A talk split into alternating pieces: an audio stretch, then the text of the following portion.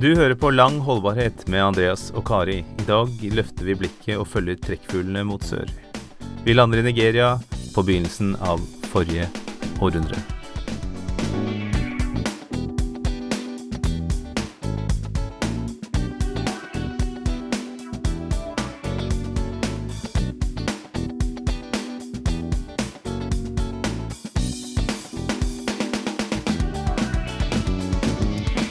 Chinua Achebe was a very brilliant man. He taught us many things.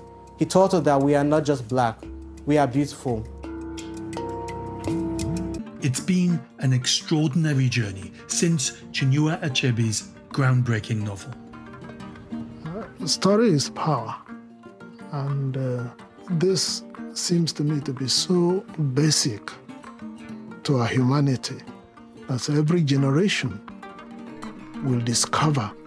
Der hørte du eh, et lydklipp fra dokumentaren 'Africa Turns The Page' fra BBC, eh, som handler om eh, afrikansk litteratur. Og først så var det en, en skoleelev, kanskje tolv år gammel, som fortalte klassen sin hva Chino Achebe har betydd for dem.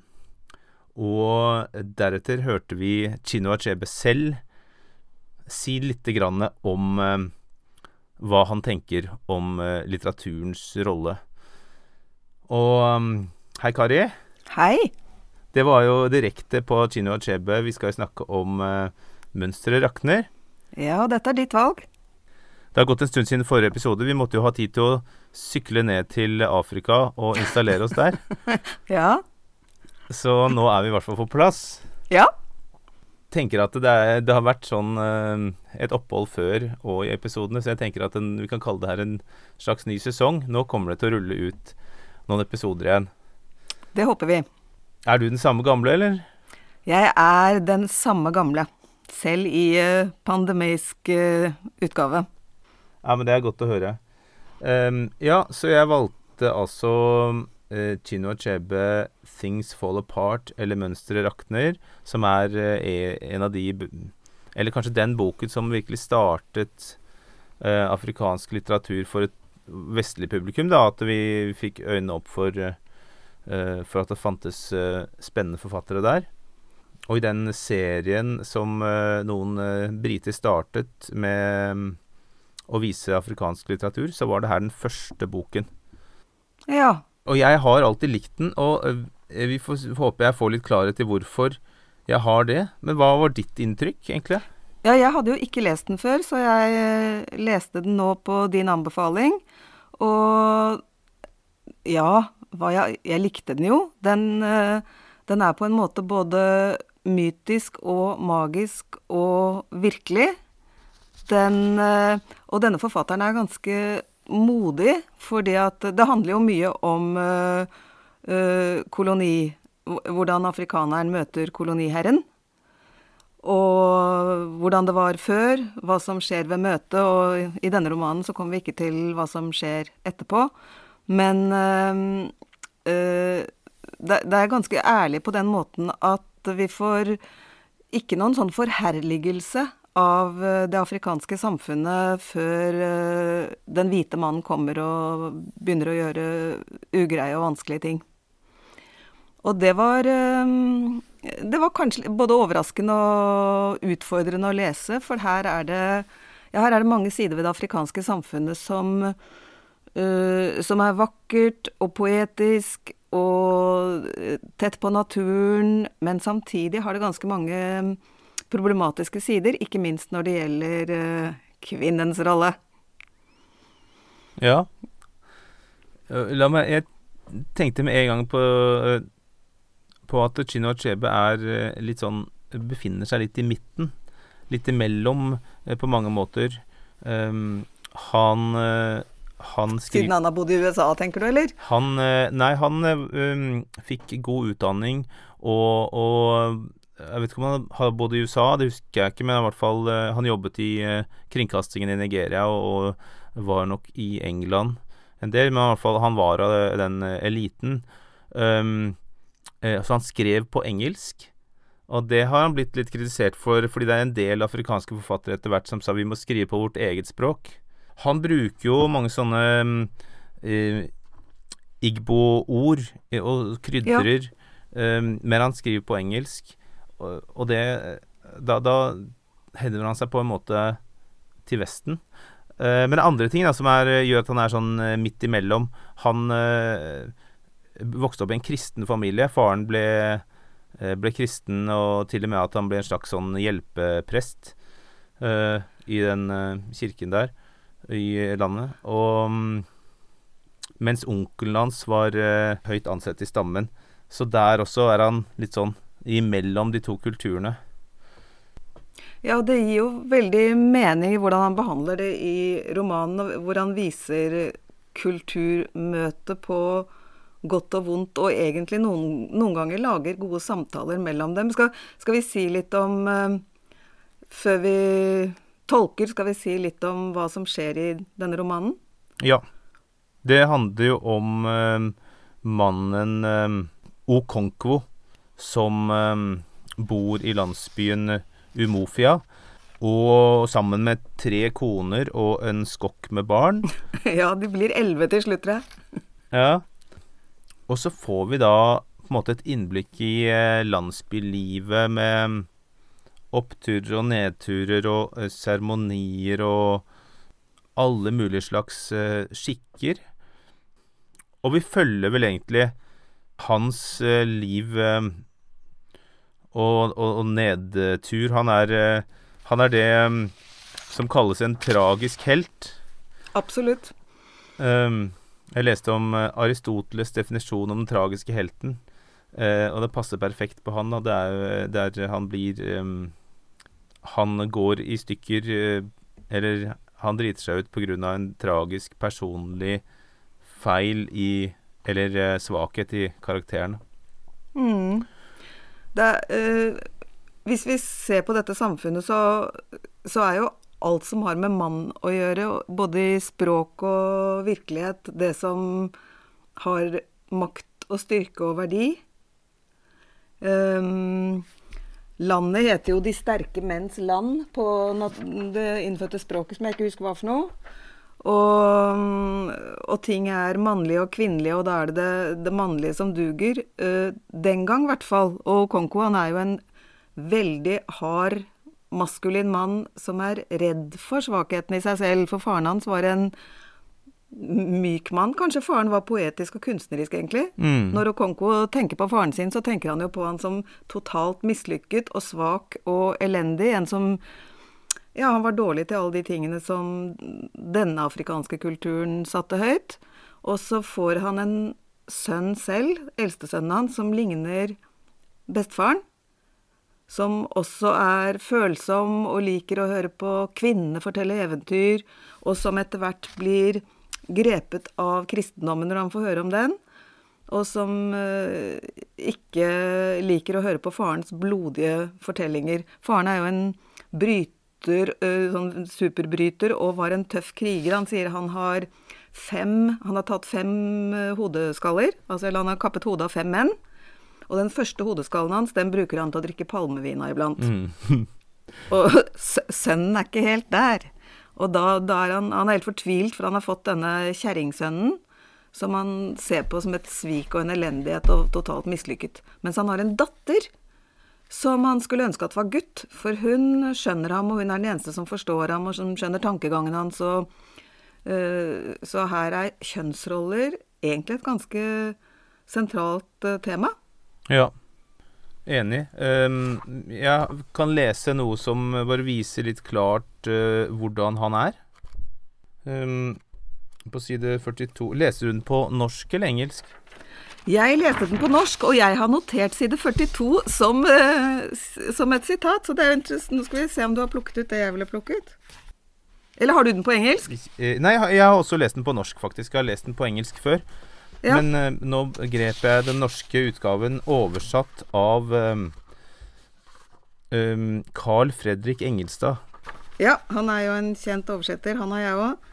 Så det, det, er en ganske gammel oversettelse. De sier bl.a. pike istedenfor jente. Det er ikke så vanlig moderne norsk. Men det passer ganske godt her. Ja, det er, det er ganske gammel eh, Hva med ordet frikostig? Ja, det, ja, gammelt, men skikkelig. Veldig flott, da. Ja. Når er den oversettelsen fra, da? Den er fra Ehm, for boken ble jo gitt ut i eh, 1958, og denne Ja. her er fra 1966. Ja, så det er ikke så lenge etterpå, faktisk. Nei, her er sitatet. Um, selv Okonkwo ble svært glad i gutten, inni seg naturligvis. Okonkwo viste aldri følelser åpenlyst, om ikke det var sinne. Å vise hengivenhet var et svakhetstegn. Det eneste det var noen grunn til å vise, var styrke. Vi har plukket ut akkurat det samme, så her er vi enige i hva som er helt sentralt i hans eh, personlighet. Ja, ikke sant? For det, det sier jo oss alt om, om hvordan han er, og det er jo øh, Det slår jo tilbake øh, på han etter hvert. Det kan vi komme tilbake til. La meg lese det andre også. Ja. Side 150. Og det viser litt at han forandrer seg ikke. Det er ikke noe utvikling i karakteren hans, selv om han Altså, jeg tenker at på flere områder her så kunne han ha eh, lært og blitt en ydmyk, mykere mann. Mm. Men han gjør ikke det. Nei. Ehm, la oss ikke tenke som feiginger, sa Konkvo. Om en mann kommer inn i hytten min og skyter på gulvet, hva gjør jeg da? Lukker jeg øynene? Nei, jeg tar en stokk og knuser skallen på han. Det gjør en mann. Disse menneskene pøser skitt over oss hver eneste dag, og så sier Okeke at vi skal late som vi ikke ser det. Og Konkvo gjorde en lyd full av avsky. Dette var en kjerringaktig klan, tenkte han. Slik som dette ville aldri ha hendt i hans fars land, Umuofia. Ja. Ja. Og det er, jo, det er jo når de snakker om hva de skal gjøre med de hvite mennene som har kommet ehm, og, og la meg først si det også, det er jo ikke så veldig mye eh, hvite menn. Det, det kom bare helt på slutten. ja, det er riktig. Fordi i, i hodet mitt så var det liksom halve boka, men det er faktisk veldig mye eh, landsbyliv og ting som skjer før de hvite kommer og bryter opp eh, Ikke idyllen, da, men, men eh, blir en enda en forstyrrelsesfaktor. Ja, og de hvite er faktisk veldig få. Det er bare et par-tre stykker. De andre som eh, er problematiske, er eh, svarte følgere av de hvite. Så vi treffer faktisk bare noen få av disse merkelige hvite mennene som ikke har tær, tror de, for de går vel alltid med sko. Og, men jeg er enig med deg at han ikke endrer seg, men han har en slags Han har en slags uro om hvem han selv er. Mm.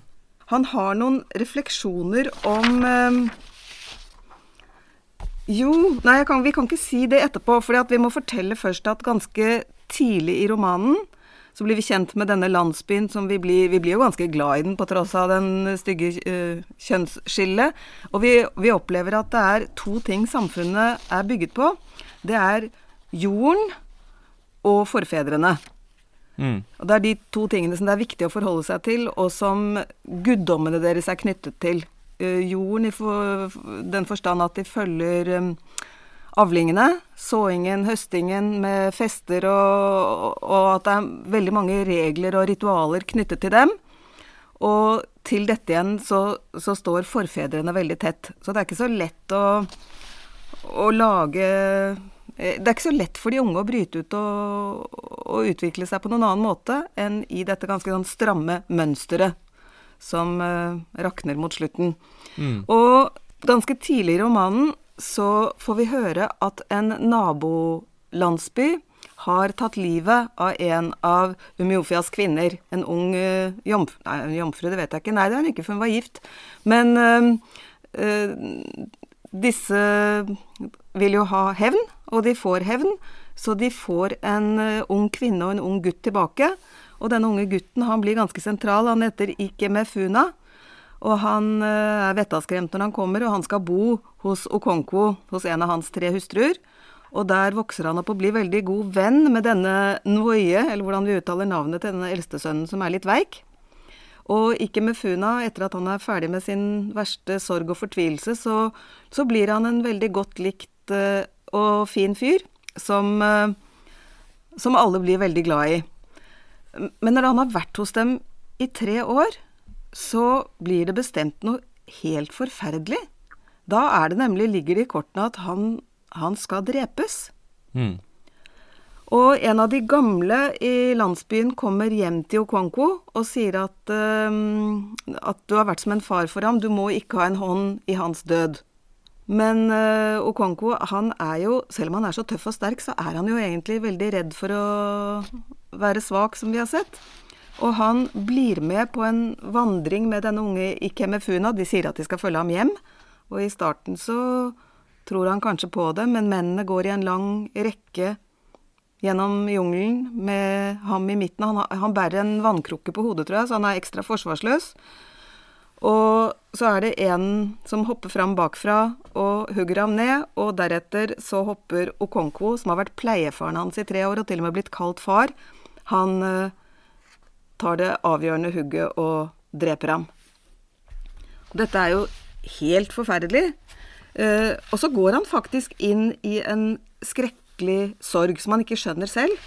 Etter, eh, etter at eh, Ikemefuna var død, så smaker ikke Okonkwo mat på to dager, og han sover ikke om natten, og han, han blir en skygge av seg selv. Og på side 71 så sier han til seg selv når ble du en sånn skjelvende gammel kjerring? spurte Okonkwo seg selv, mm. du som er kjent i ni landsbyer for din tapperhet i krig. Hvordan kan en mann som har drept fem mann i krig, gå i stykker bare fordi han har økt antallet med en guttunge? Okonkwo, du er sannelig blitt en kjerring. Ja, jeg, jeg, må bare si at uh, da det kapitlet var over med Ike Mefuna som ble drept, da trengte jeg en lang pause. det gikk sterkt inn på meg uh, fordi det er så fælt. Så da gikk det noen måneder før jeg leste videre. mm. Ja. um, og det, boka er jo delt inn i tre, og det er litt rart at ikke den ene delen, første delen slutter der. Ja, for de to siste delene er veldig korte, så det er liksom den første delen som er veldig lang. Ja, for, for meg så er på en måte boka nesten delt inn i tre drap, da. Som um, Ja. Mm. får store konsekvenser hvert, uh, hvert drap. Eller liksom verre og verre konsekvenser.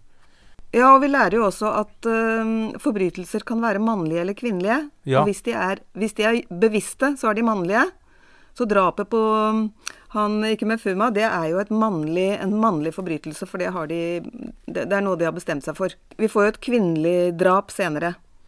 Ja, og et uh, veldig mannlig til slutt. Ja.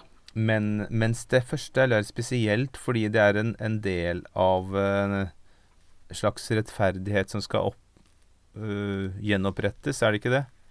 Jo, men vi forstår jo ikke hvorfor, for hevnen er jo allerede Altså, de har jo liksom fått en kvinne for den kvinnen som ble drept. Det høres jo makabert ut. Men også har de fått den unge mannen på kjøpet eh, til odel og eie på et vis. Men han, det må jo være et eller annet i kulturen som gjør at ikke han kan få lov å bli der og bli en av dem, da.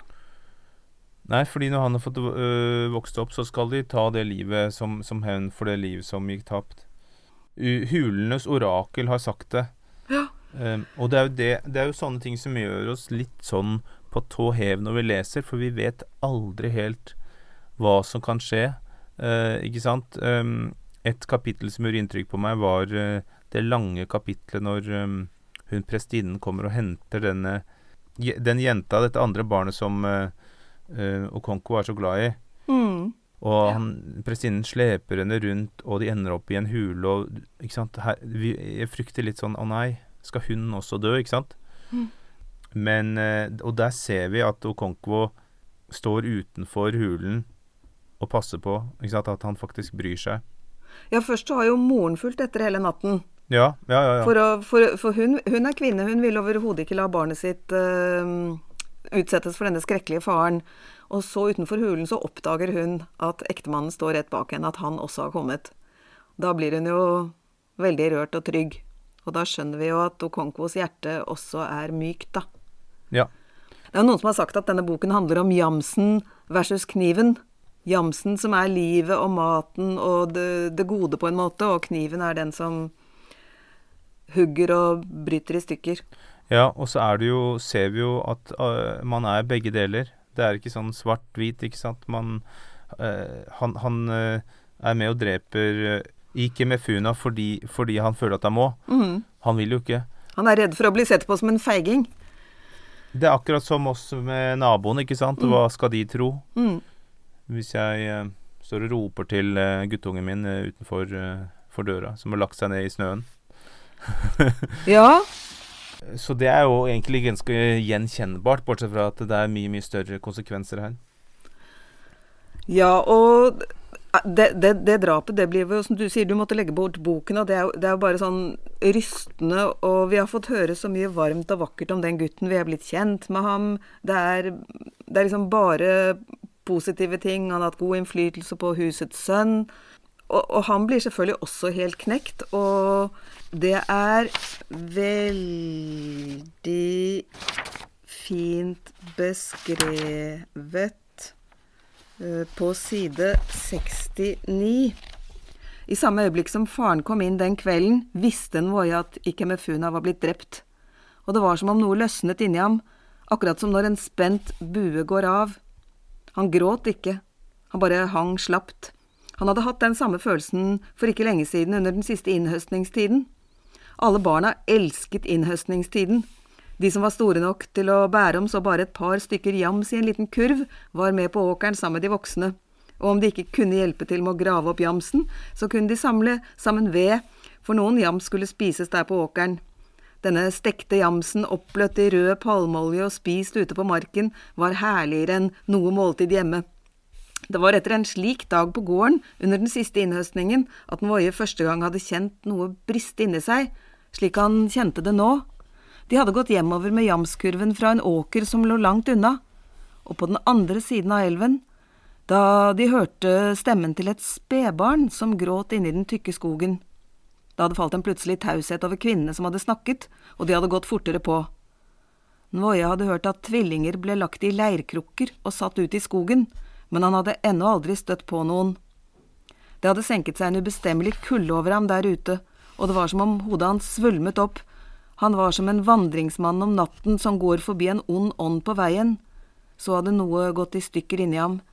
Den senket seg over ham igjen, den følelsen, da hans far kom inn den kvelden etter å ha drept Ikemefuna. Mm. Og, og, den uh, historien om spedbarna, det er også noe som er uh, noen grufulle skikker her. At de tenker at uh, tvillinger er uh, forbannet på en måte. Så hvis noen føder tvillinger, så blir de lagt i en leirkrukke og satt ut i skogen for å dø. Og det er jo også noen andre skrekkelige historier om uh, kvinner som stadig mister barn, eller får dødfødte barn, eller barn som dør fort. Da sier de at det er onde barn som kommer tilbake for å plage mødrene sine. Og iblant, hvis en kvinne hadde født mange barn som eh, døde, så hendte det at de tilkalte en medisinmann som tok uh, huggkniven sin og lemlestet uh, fosteret for at det ikke skulle kunne komme tilbake senere. Og, det, er jo, det, er jo, det som er tilfellet med hun uh, Esinma. Um, at hun, uh, moren, da har mistet mange barn, og at hun er da ikke sant, har en sånn litt sånn slem ånd i seg. Så det er, derfor, det er derfor vi ikke helt vet hva som kommer til å skje med henne. Mm. Det er jo heldigvis en uh, vakker historie om henne, da. Hun, det går bra med henne. Ja, men den er knytta opp til det du sa der. Så, mm. um, og så det med den voie, da. Uh, han sønnen uh, som du beskrev der, hva han følte. Det var kanskje noe av det som gjør at han blir kristen, da. Eller der blir liksom starten lagt til at han føler at det her er ikke riktig. Det er noe som skurrer i denne kulturen. Ja, vi må, må finne en bedre, bedre måter å leve på. Og etter at uh, sønnen har uh, forlatt uh, hva skal jeg si, foreldrenes tro, og så er jo Konko fortvilt og, og, skjønner ikke hvordan dette kan ha seg. Så han, han grubler og tenker og han sier hvordan kunne han ha avlet en sønn som Noie? Degenerert og kvinneaktig. Mm. Kanskje gutten ikke var hans sønn? Men han kunne umulig være det, hans kone hadde bedratt ham. Han skulle lære henne, men Voie lignet på sin bestefar Unoka, som var Okonkvos far. Han skjøv tanken fra seg. Han, og Konkvo ble kalt en flammende ild. Hvordan skulle han da kunne avlet en kjerringaktig sønn? Da Okonkwo var på Nwoyes alder, var han alt blitt berømt over hele Umofia for sin bryting og sin fryktløshet. Han sukket tungt og som om den kjente medfølelse med ham, sukket også den smuldrende kubben. Og straks ble Okonkvos øyne åpnet, og han så hele saken klart. Levende ild avler kall av mektig aske. Mm. Så han som er en liksom vill og flammende mann, han får uh, gråbleike, kalde, ikke-flammende barn.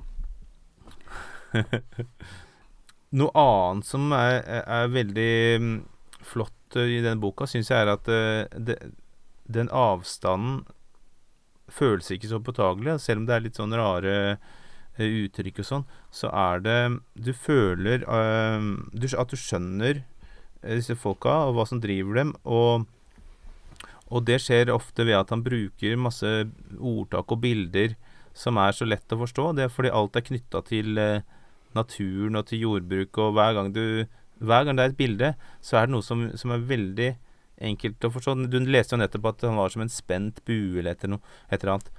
Og de, disse bildene er overalt. Og de, og de kommuniserer like godt til oss i dag, ikke sant, 50 år etterpå. Jo, jo de, den kyllingen som skal bli hane, merker, det, merker den det på samme dag den kommer ut av egget. Nei, jeg, jeg, tenk, jeg syns også det var liksom vanskelig å tidsplassere den, rent bortsett fra at vi vet liksom rent historisk når det skal ha vært. Ja. Så, så er det liksom både gammelt og moderne på en gang. Fordi mennesker er jo mennesker.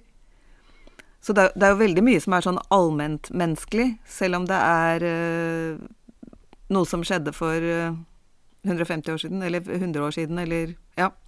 Ja, for det, fordi det, det, er eh, så levende. Det er vel eh, rett og slett at han skriver bra. Ja.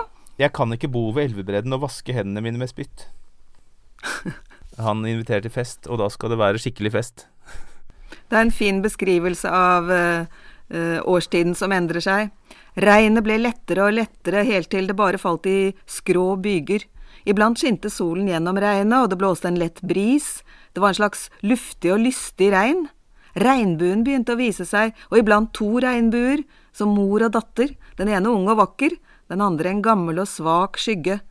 Regnbuen ble kalt himmelens pytonslange. Og så har du jo alle disse historiene om skilpadden, som er så um, listig og, og, lur, og kanskje lurer seg selv også.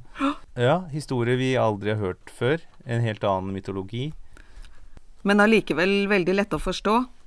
Ja, ja, ja. Mm. Enten det er eh. Esops fabler eller det er uh, afrikanske fortellinger. Og det er, jo, det er jo nettopp dette med blikket, da. At vi, vi får uh, blikket fra innsiden. Mm. Uh, man skal selv få lov til å fortelle sin historie. Og det, det som er spennende der, er at han forteller ikke bare Det blir ikke bare sånn rose, rosemalt fortelling. Her er det kritikk, og her er det skik skikkelig eh, realisme. Ja, og vi, vi, skjønner jo på en måte også at dette må endres. Ja. Gjør vi ikke det? Noen av de verste tingene bør endres. Mm. Og noe må beholdes. Ja, og endringer er jo veldig ofte smertefulle, da. Enten det er pubertet eller det er eh, samfunnsendringer, så, så gjør det jo ofte vondt. Visst gjør det vondt når kropp, knopper brister. ja. Um, og i hvert fall de som ikke klarer å forandre seg, da, de, de går til grunne, ikke sant. Mens landsbyen vil vel overleve Altså, det var jo en annen landsby som ble helt uh, tilintetgjort fordi de hadde drept en, uh, en hvit mann på jernhest. Ja, han, glemte, han, han snakket ikke, han, de skjønte ikke, han sa ikke noe. Jo, han hadde visst bablet til noe, men det var Det var ubegripelig. så, de, ja. så de drepte ham. Men det, men det, viktige drapet nummer to, det er jo egentlig en ulykke. Mm. For da er det jo en stor, stor forsamling som er samlet, og det, det, er en begravelse. Og masse folk, og vi skjønner at begravelser Vi får jo høre veldig mye sånn folkeliv. Begravelser, da er det mye hyl og skrik og skudd i luften og sånn. Og så går og Konkos uh, gevær av ved et uhell og dreper den dødes 16-årige sønn. Ja, så fælt. Er, ja, Nok en gang er det jo en ung gutt som dør, og det er skrekkelig. Men nå er det jo ikke en villet handling, så det er en ulykke. Men det hjelper ikke, for du, det er ikke lov å drepe en klansmann. Og hvis det, sånn som her, er en uh, kvinnelig forbrytelse, da, at han ikke mente det, så må han uh, forvises i syv år, men kan komme tilbake. Hvis det hadde vært en mannlig, så hadde han vel måttet forsvinne for alltid. Ja. Så nå må han uh, ta med seg pikk og pakk og kvinner og barn og rømme, eller de, han får jo hjelp av naboene, og alle skjønner at han ikke har gjort det av ondskap, så de på et vis hjelper han å flykte. Samtidig så hører vi at de hugger og brenner ned gården hans, for det er skikken. Han har gjort noe, så nå må de knuse alt han eide. Uh, og så reiser han hjem til sin mors landsby og blir der i syv år. Ja, ikke ta det personlig. De, bre de brenner ned gården hans og hugger ned alt, men ikke ta det personlig. Nei, nemlig. Fordi at, fordi at du bare aksepterer. Sånn, sånn er det. Han vet at sånn er det. Ja. Og de, har, de blir jo tatt vel imot i mm, hans, hans døde mors landsby. Og lever der i syv år, men planlegger hele tiden tilbakekomsten sin. For han, har jo, han er jo en veldig ambisiøs mann.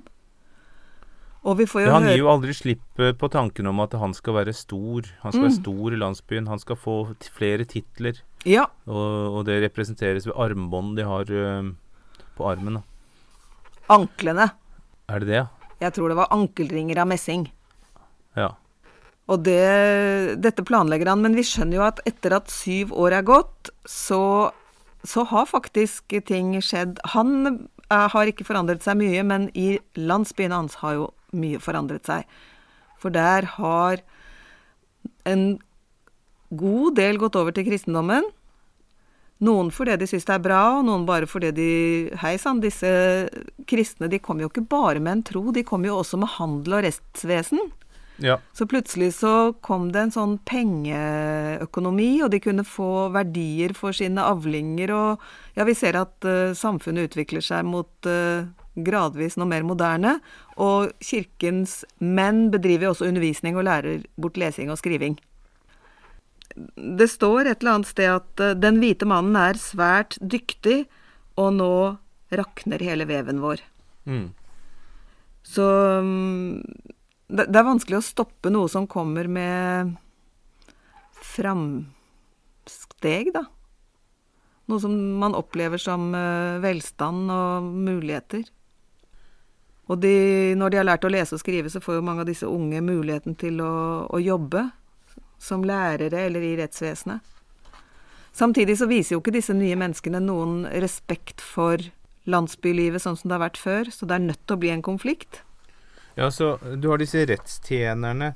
Um, fordi de, de, de hvite øverste lederne virker jo rettferdige og, ok. Um, men skal vi se Distriktskommissæren Nei. Nå tenkte jeg først og fremst på distriktskommissæren som, som eh, prøver å være rettferdig, mens de rettstjenerne de sier at uh, kjøpesummen eh, eller dom, dommen han har blitt dømt til å betale, er 50 mer. Ikke sant? Ja. Og de, han sier, distriktskommissæren sier 'behandle han ordentlig', men de banker han opp når han har blitt uh, fanget. Eh, hvem er disse rettstjenerne? Er de svarte eller hvite? Ja, de er svarte. Det er nesten ikke noen hvite der. De er svarte og går rundt i sånne korte, grå bukser. Fra, fra en annen by? Ja. Mm. De, de er altså inderlig forhatt i Umiofia. De er hovne og nedlatende. Så, og de blir kalt askerumper. Ja, det er av disse buksene. Ja. Ja, for på et tidspunkt Ja, vi må jo fortelle om de der eh, Hva heter de for noe? Ekvukuene? De hva? Disse åndene, disse fortidsåndene Hva er det de heter for noe? Disse fortidsåndene. Um, Ja. før, før de hvite kom, så hadde jo landsbyen sitt eget rettssystem. Med uh, forfedrenes ånder som dukket opp. Så ved siden av den store lekeplassen, holdt jeg på sin store forsamlingsplassen, så var det et hus som vendte døren bort fra folk som sto der. Var, de kunne liksom bare se baksiden. Og der fikk eh, aldri landsbyen lov å gå inn i det huset og se. Og hver gang det skulle skje noe viktig, eller det skulle tas avgjørelser eller avsies eh, eller løses tvister, så dukker ånder opp fra det huset.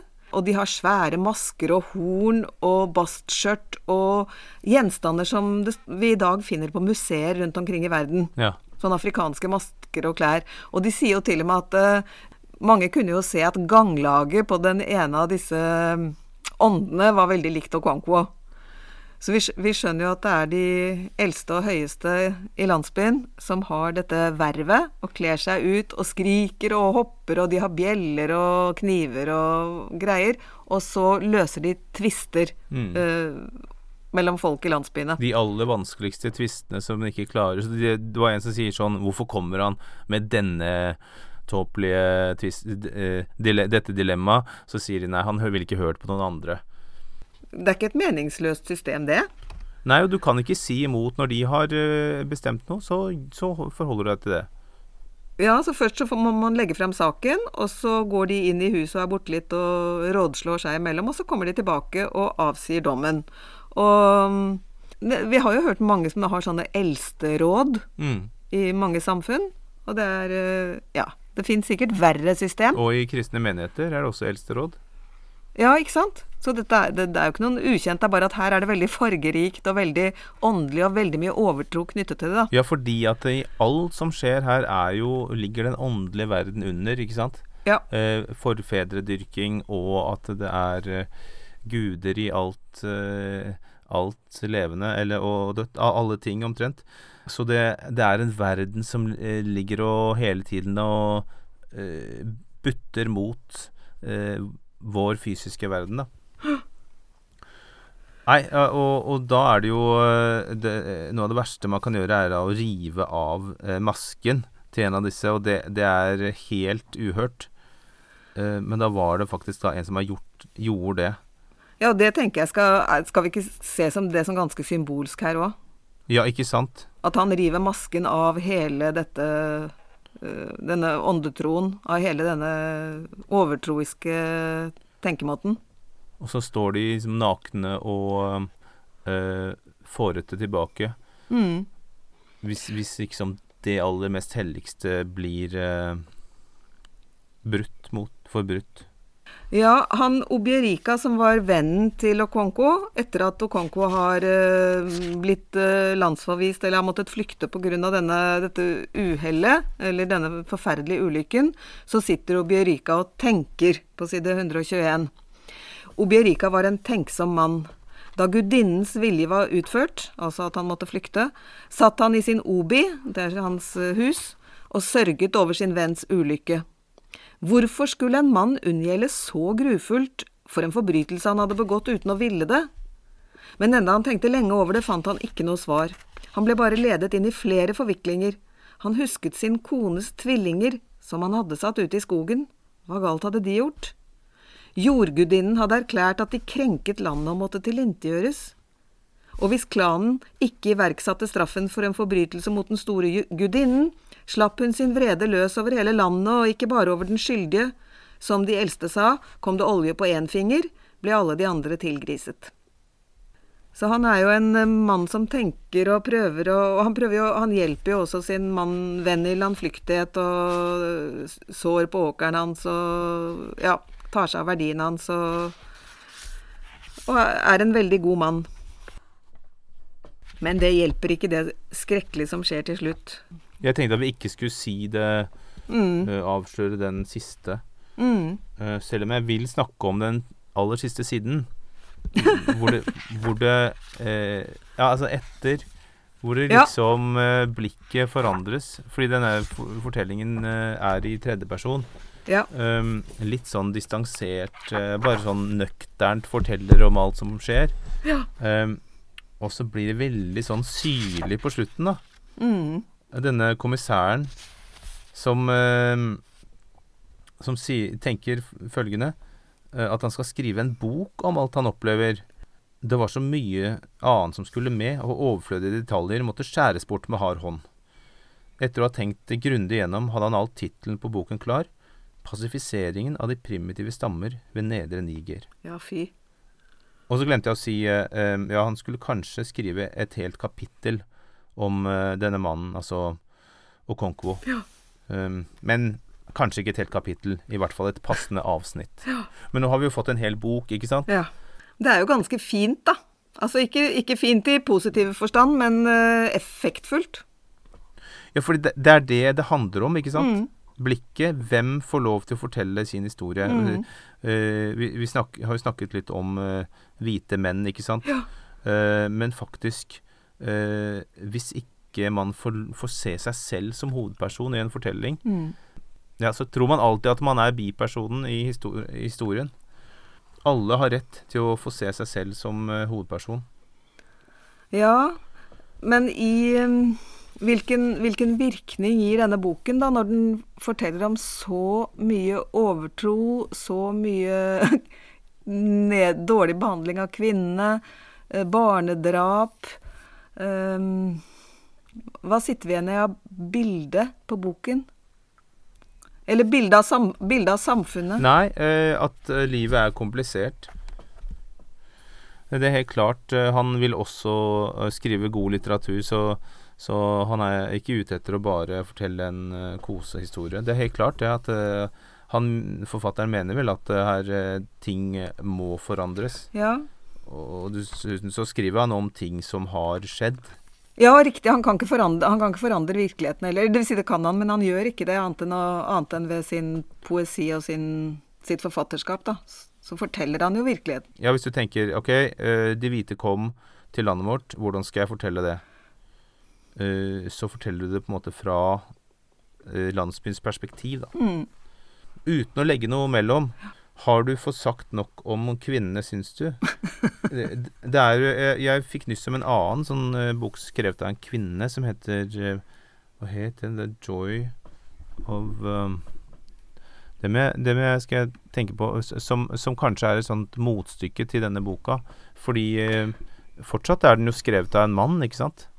Jo, men han øh, øh, Vi får jo høre at denne Okonkwo, som har et så vanskelig selvbilde og er så redd for å være veik, når han er hissig, så ved et par anledninger så banker han konene sine veldig dramatisk. Ja. Og no, noen ganger så blander ikke naboene seg, men så, så er det noe som heter fredsuke. Og da er det ikke lov å legge hånden på noen, så da blir det veldig bråk når han har banket opp den ene konen sin i den der fredsuken. Så Og det er jo også en voldssak mot en kvinne, som vi får høre at dette eldsterådet diskuterer, for det er en kvinne som har rømt fra mannen sin. Mm. Og hvis du løper fra mannen din, da skal brudeprisen betales tilbake. Med mindre det, sånn som det har skjedd her, at han har mishandlet og slått henne. Så, så her blir eh, dommen fra el Eldsterådet at hun skal dra tilbake til ham. Men hvis han løfter hånd mot henne en gang til, da kommer slektningene, hennes og skjærer av han kjønnsorganene. Ja. Så nå må han skjerpe seg. Så, men kvinnesynet ellers, altså de, det er jo hverdagslivet òg. Kvinnene de bruker tiden på å jobbe som gale. De lager mat til mannen som sitter i sin obi. Kvinnene har hver sin hytte hvor de bor med sine barn. Og mannen har jo to, tre, fire, fem eh, Når Okonko kommer tilbake etter en uh, syvårseksile, så bygger han to nye hytter, så han har vel tenkt å ta seg to nye koner, da. Mm. Og, og alt handler jo om at de lever for disse mennene. ja. Får bank, lager mat. Og den ene gangen han sprekker, så er det jo fordi den ene konen har gått for å flette håret istedenfor å gjøre klar middagen hans. Han får jo middag fra de to andre, da, men han er så forbanna at hun, ja, hun får skikkelig pryl. En annen gang så skyter han etter en av konene sine. Han bom, jeg vet ikke om han bommer med vilje, men hun eh, kommer seg så vidt inn i en hytte. Jeg leste nettopp uh, boken om muser og menn av Marta Breen. Ja, Uh, norsk uh, feminist og forfatter. Hun Fantastisk bok. Og da, altså Vi skal ikke glemme at det, det var litt sånn i Vesten også på den tiden. I begynnelsen på 1900-tallet. Hun skriver da om, de, eh, om mange sånne store forfattere eh, som eh, var fullstendig tyranner, ikke sant? Ja. Det var en som skulle ha hardkokt egg og en appelsin til frokost, mens ingen andre fikk det. Barna fikk ikke det, måtte se på han spise, og så skulle han sitte på rommet og, og skrive uforstyrret. Mens, mens de kvinnene måtte bare stå på pinnene for dem, ikke sant. Vet du hva de sa om Aksel Sandemose? I eh, spisekammeret så var det en egen hylle som ikke hustru eller barn fikk røre. Det var maten til Aksel. Ja, Ikke sant? Uh, Tarjei Vesaas han hadde sin egen skrivestue, mens Haldis moren Vesaas måtte bare uh, sitte på kjøkkenet og skrive, eller surre rundt og gjøre alt husarbeidet, og, og så finne sin egen. Hun hadde ikke et eget rom, ikke, ikke sant? Um, Så det er, det er en bok full av grelle eksempler, og det er mm, Så det er ikke bare Afrika som har behandlet kvinner dårlig. Nei, på, på ingen måte. På ingen, altså Nå kommer vi med veldig sånne snille, små eksempler, men i veldig mange samfunn har jo kvinnen stått lavest på rangstigen. Og, det, og vært en sånn slags verdi i mannssamfunnet, ikke sant? Som byttes bort og selges og giftes bort og skal holdes uh, jomfruelig og Ja. kvinnen, veldig mange, I mange samfunn så lever jo kvinnene på mennenes nåde. Den boken jeg prøvde å nevne, het eh, The Joys of Motherhood, um, av Buchi Emecheta. Så hun er også nigeriansk, og tittelen er selvfølgelig ganske eh, sarkastisk, tror jeg. Ja. Men det kunne være en sånn uh, fin eh, følgesvenn til eh, Mønsteret rakner fra kvinnens eh, perspektiv. Litt seinere. Den ble skrevet i 1979. ja. Det var jo kvinnetiåret. Men du, eh, er vi eh, fornøyd? Du, er, du tok ikke skade for livet av å lese 'Mønsteret rakner'? Nei, på ingen måte. På ingen måte. Jeg syns eh, at det var eh, veldig interessant å møte et nytt samfunn. Og ja, og på tross av alt det grufulle som skjer her, så er jo dette også en veldig varm bok. Ja, for jeg lurte litt på hvorfor jeg egentlig liker den, siden det er så mye fælt. Men det er jo mye varme, og det er masse eh, gode beskrivelser, og vi blir så kjent med personene. Ja, jeg, jeg nevnte USA, fordi at Achebe han ble vel professor og var i mange år i USA, og var i USA da han døde. Å ja. Ja. Ja, så han, er- han levde veldig vestlig liv store deler av livet. Så, jo, så reiste han tilbake og var en del i Nigeria igjen, og så øh, Han var jo utsatt for en ulykke og ble lam, men han, han er en høyt aktet forfatter. ja. La oss øh, ta en øh, kort eh, pause, og så kommer vi tilbake med topp fem. Topp tre er det.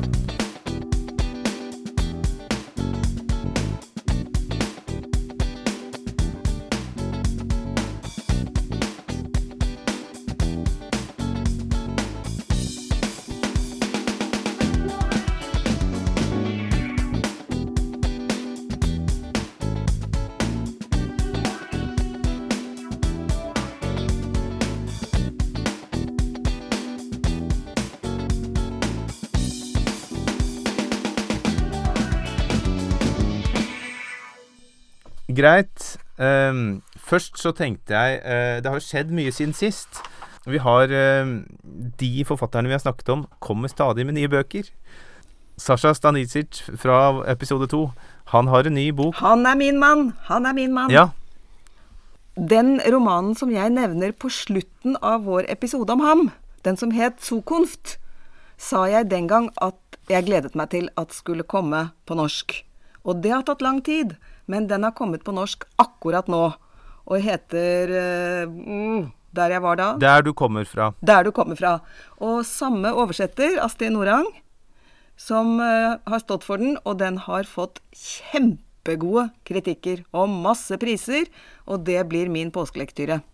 Eh, og så fra eh, episode tre eh, så snakket vi om den kinesiske Ja, kan si kinesisk-britiske Charlo Guo, Ja, som har kommet med en ny bok, A Lover's Discourse. Der hun tar opp litt det samme. Kjærlighet og kulturkonflikter og språk. Det gleder jeg meg til. Fra episode fem vi snakket om eh, Norton Juster og uh, Den Milos magiske reise. Han døde i forrige uke, 9. mars. ja visst. 91 år gammel. Episode 8 snakket vi om Per Schreiner og Beistet, og han har også kommet med ny bok. Ja, Og den har du lest? den har jeg lest. 'Jegere og sankere'. Ja. Og jeg likte den eh, veldig godt, som vanlig. Eh, den er eh, skummel. Det er eh, fram i tid. Og det er en eh, dystopi. Og den lover ikke godt. Den er, vi, er- vi er i Oslo. Er det tilbake til at vi eh, altså bryter sivilisasjonen såpass sammen at vi blir jegere og sankere igjen? Absolutt. Men vi blir jegere og, vi blir jegere og sankere i, i en helt moderne by. Så du, du, du sanker i supermarkedet, der eh, varene begynner å stinke mer og mer i fryseboksene. Oi sann. Og bensinlagrene blir tommere, men den største fienden blir nok likevel eh, klima. Ja, ikke sant. Eller ikke klima, men rett og slett vinteren. Mm. Men den er, jeg, jeg syns den var veldig kul. Anbefales. Bra, det var vår spalte Nyheter. Og da kan vi gå til eh, topp tre bøker der den oversatte tittelen er bedre enn originalen. Ja, der måtte jeg jo overlate det til deg, fordi at eh, for det første så har jo du drevet veldig mye med oversettelser, og så begynte jeg å tenke og tenke og tenke, og jeg fant de fleste mm, titlene jeg kom på, de var veldig like. Og de som ikke var like, de syns jeg ikke var noe bedre, så nå blir det en Andreas-happening. Ja, altså Jeg syns at det måtte med uh, fordi eh, mønsteret rakner er så fint. Og jeg syns uh, det er litt finere enn eh, Things Fall Apart. Men vi har glemt å si hvor Things Fall Apart kommer fra, da. Ja, ok, det kommer fra et dikt av Yates, og det er greit, men det er liksom ting um, er, Ting faller, faller fra hverandre. Jeg syns det er fint, jeg synes, og det, det er kortere, og det er poetisk. Og det er sitat fra romanen. Eh, så da ehm, Den første jeg har, den som er på plass eh, nummer tre, det er To Kill a Mockingbird. Vet du hva den heter på norsk? Ja, drep ikke en sangfugl. Ja, drep ikke en sangfugl. Ja. Det er motsatt av det Ja. det er på engelsk. Ja. Er ikke det litt rart? Jo. Og på svensk så heter den dødssynd. Å ja. Eh, så der er det noe helt annet. Og det er jo litt spennende når eh, titlene våger å gå litt andre veier. Ja. Eh, Det er jo fra en setning i boka, så det er jo samme betydning egentlig, bortsett fra at de har valgt å gjøre det litt snillere på norsk, da. Ja, jeg vil jo si at uh, å, å starte med den infinitiven som de gjør på engelsk, Mm. det svinger ikke veldig godt på norsk. Nei. Sånn å drepe en sangfugl, det det er ikke noen god klang. Så sånn sett så har det også en finere klang. Nei, men, eh, men eh, det er greit nok det med infinitiv, men, eh, men altså at de snur på hele meningen. meningen. Eh, ok, på nummer to så har jeg ungdomsboken The Fault in Our Stars, som på norsk heter Faen ta skjebnen. ja. Og det er litt, eh, litt røffere, eh, litt friskere. Og jeg, først, jeg måtte tenke litt over det. Første gang jeg hørte det, så, så virket det litt sånn litt grovt. Men poenget her er jo det. uh, det handler om vennskap og om kreft. Og uh, at man virkelig raser mot det urettferdige ved, at, ved døden. Så da skjønner man jo, ikke sant, tittelen 'The Fault in Our Stars'. Det er noe galt med stjernene, og stjernene er jo da skjebnen, ikke sant? Ja.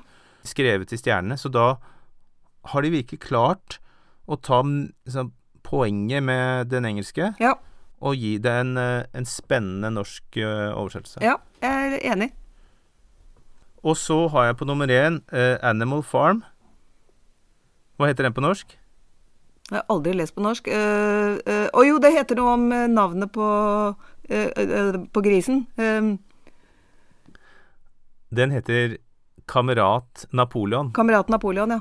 Altså helt, noe helt annet. Ja. Men den får, da får den fram både at her er det kritikk mot kom kommunismen, ikke sant, kamerat, og Napoleon, mer sånn totalitære eh, systemer, eh, Ja ikke bare kommunismen. Så eh, det er mye mer mening i den tittelen enn i den engelske. ja, jeg blir med på det òg. Mm. Ja? Ja. Enkel og grei topp tre. Eh, ja. Og så mm, ja, er- Jeg syns det er litt spennende når man faktisk eh, ja, får det enda bedre. Vet du hva 'Catcher in the Rye' eh, het på norsk? ja, det vet jeg. Eh, og den er langt borte. Si første ordet. Hver. Hver tar sin, så tar jeg ingen. Ja, hver tar sin, så får vi andre ingen. Ja. Mm. Jeg kunne ikke ha den med på beste, fordi jeg, det er litt merkelig, og jeg vet ikke helt om jeg skjønner den. Men uh, man våger i hvert fall å, å, å vri seg litt unna originalen. ja. Og det, vet du, eh, som oversetter, det, det er ikke det, det Det er ikke det du gjør først. Du prøver jo gjerne å holde deg så nærme du kan. Jeg vet ikke, det må i hvert fall gi mening å svinge litt. Ja. Ja. Men det er bra. Da kan vi nesten bare si takk for oss. Så skal vi si hva det blir neste gang. Er vi enige i at vi skal sammenligne øhm, med livet foran seg og Hør her, da? Altså, Emil Ajars med livet foran seg, eh, La vie avant soi, den har jeg elsket i en evighet siden han var ny. Og samtidig så er det en bok som begynner å bli gammel, så det er interessant å se om den kan leses. Og den har en del til felles med en jeg vet ikke om vi skal kalle det en ungdomsroman som har kommet til Norge i år, som heter Hør her, av Gulrais Sharif. Som eh, plukker opp en god del av den samme tematikken, selv om det er veldig mye som er ulikt. Og de kan være artige å lese sammen, og da kanskje vi skal gjøre det? Ja, jeg syns vi skal gjøre det. Ja. Og da tror jeg vi er tilbake ganske snart. Da Det skal vi klare. Ha det fint, da. Jo, i like måte. Ha det bra. Takk for at du hørte på Lang holdbarhet med Andreas Kristiansen og Kari Hauknes. Musikken du hører, er laget av Lars Håvard Ringsby. Og abonner gjerne på oss der hvor du hører på podkast, så får du med deg når neste episode kommer uten at du trenger å tenke noe mer over det. Ha det bra!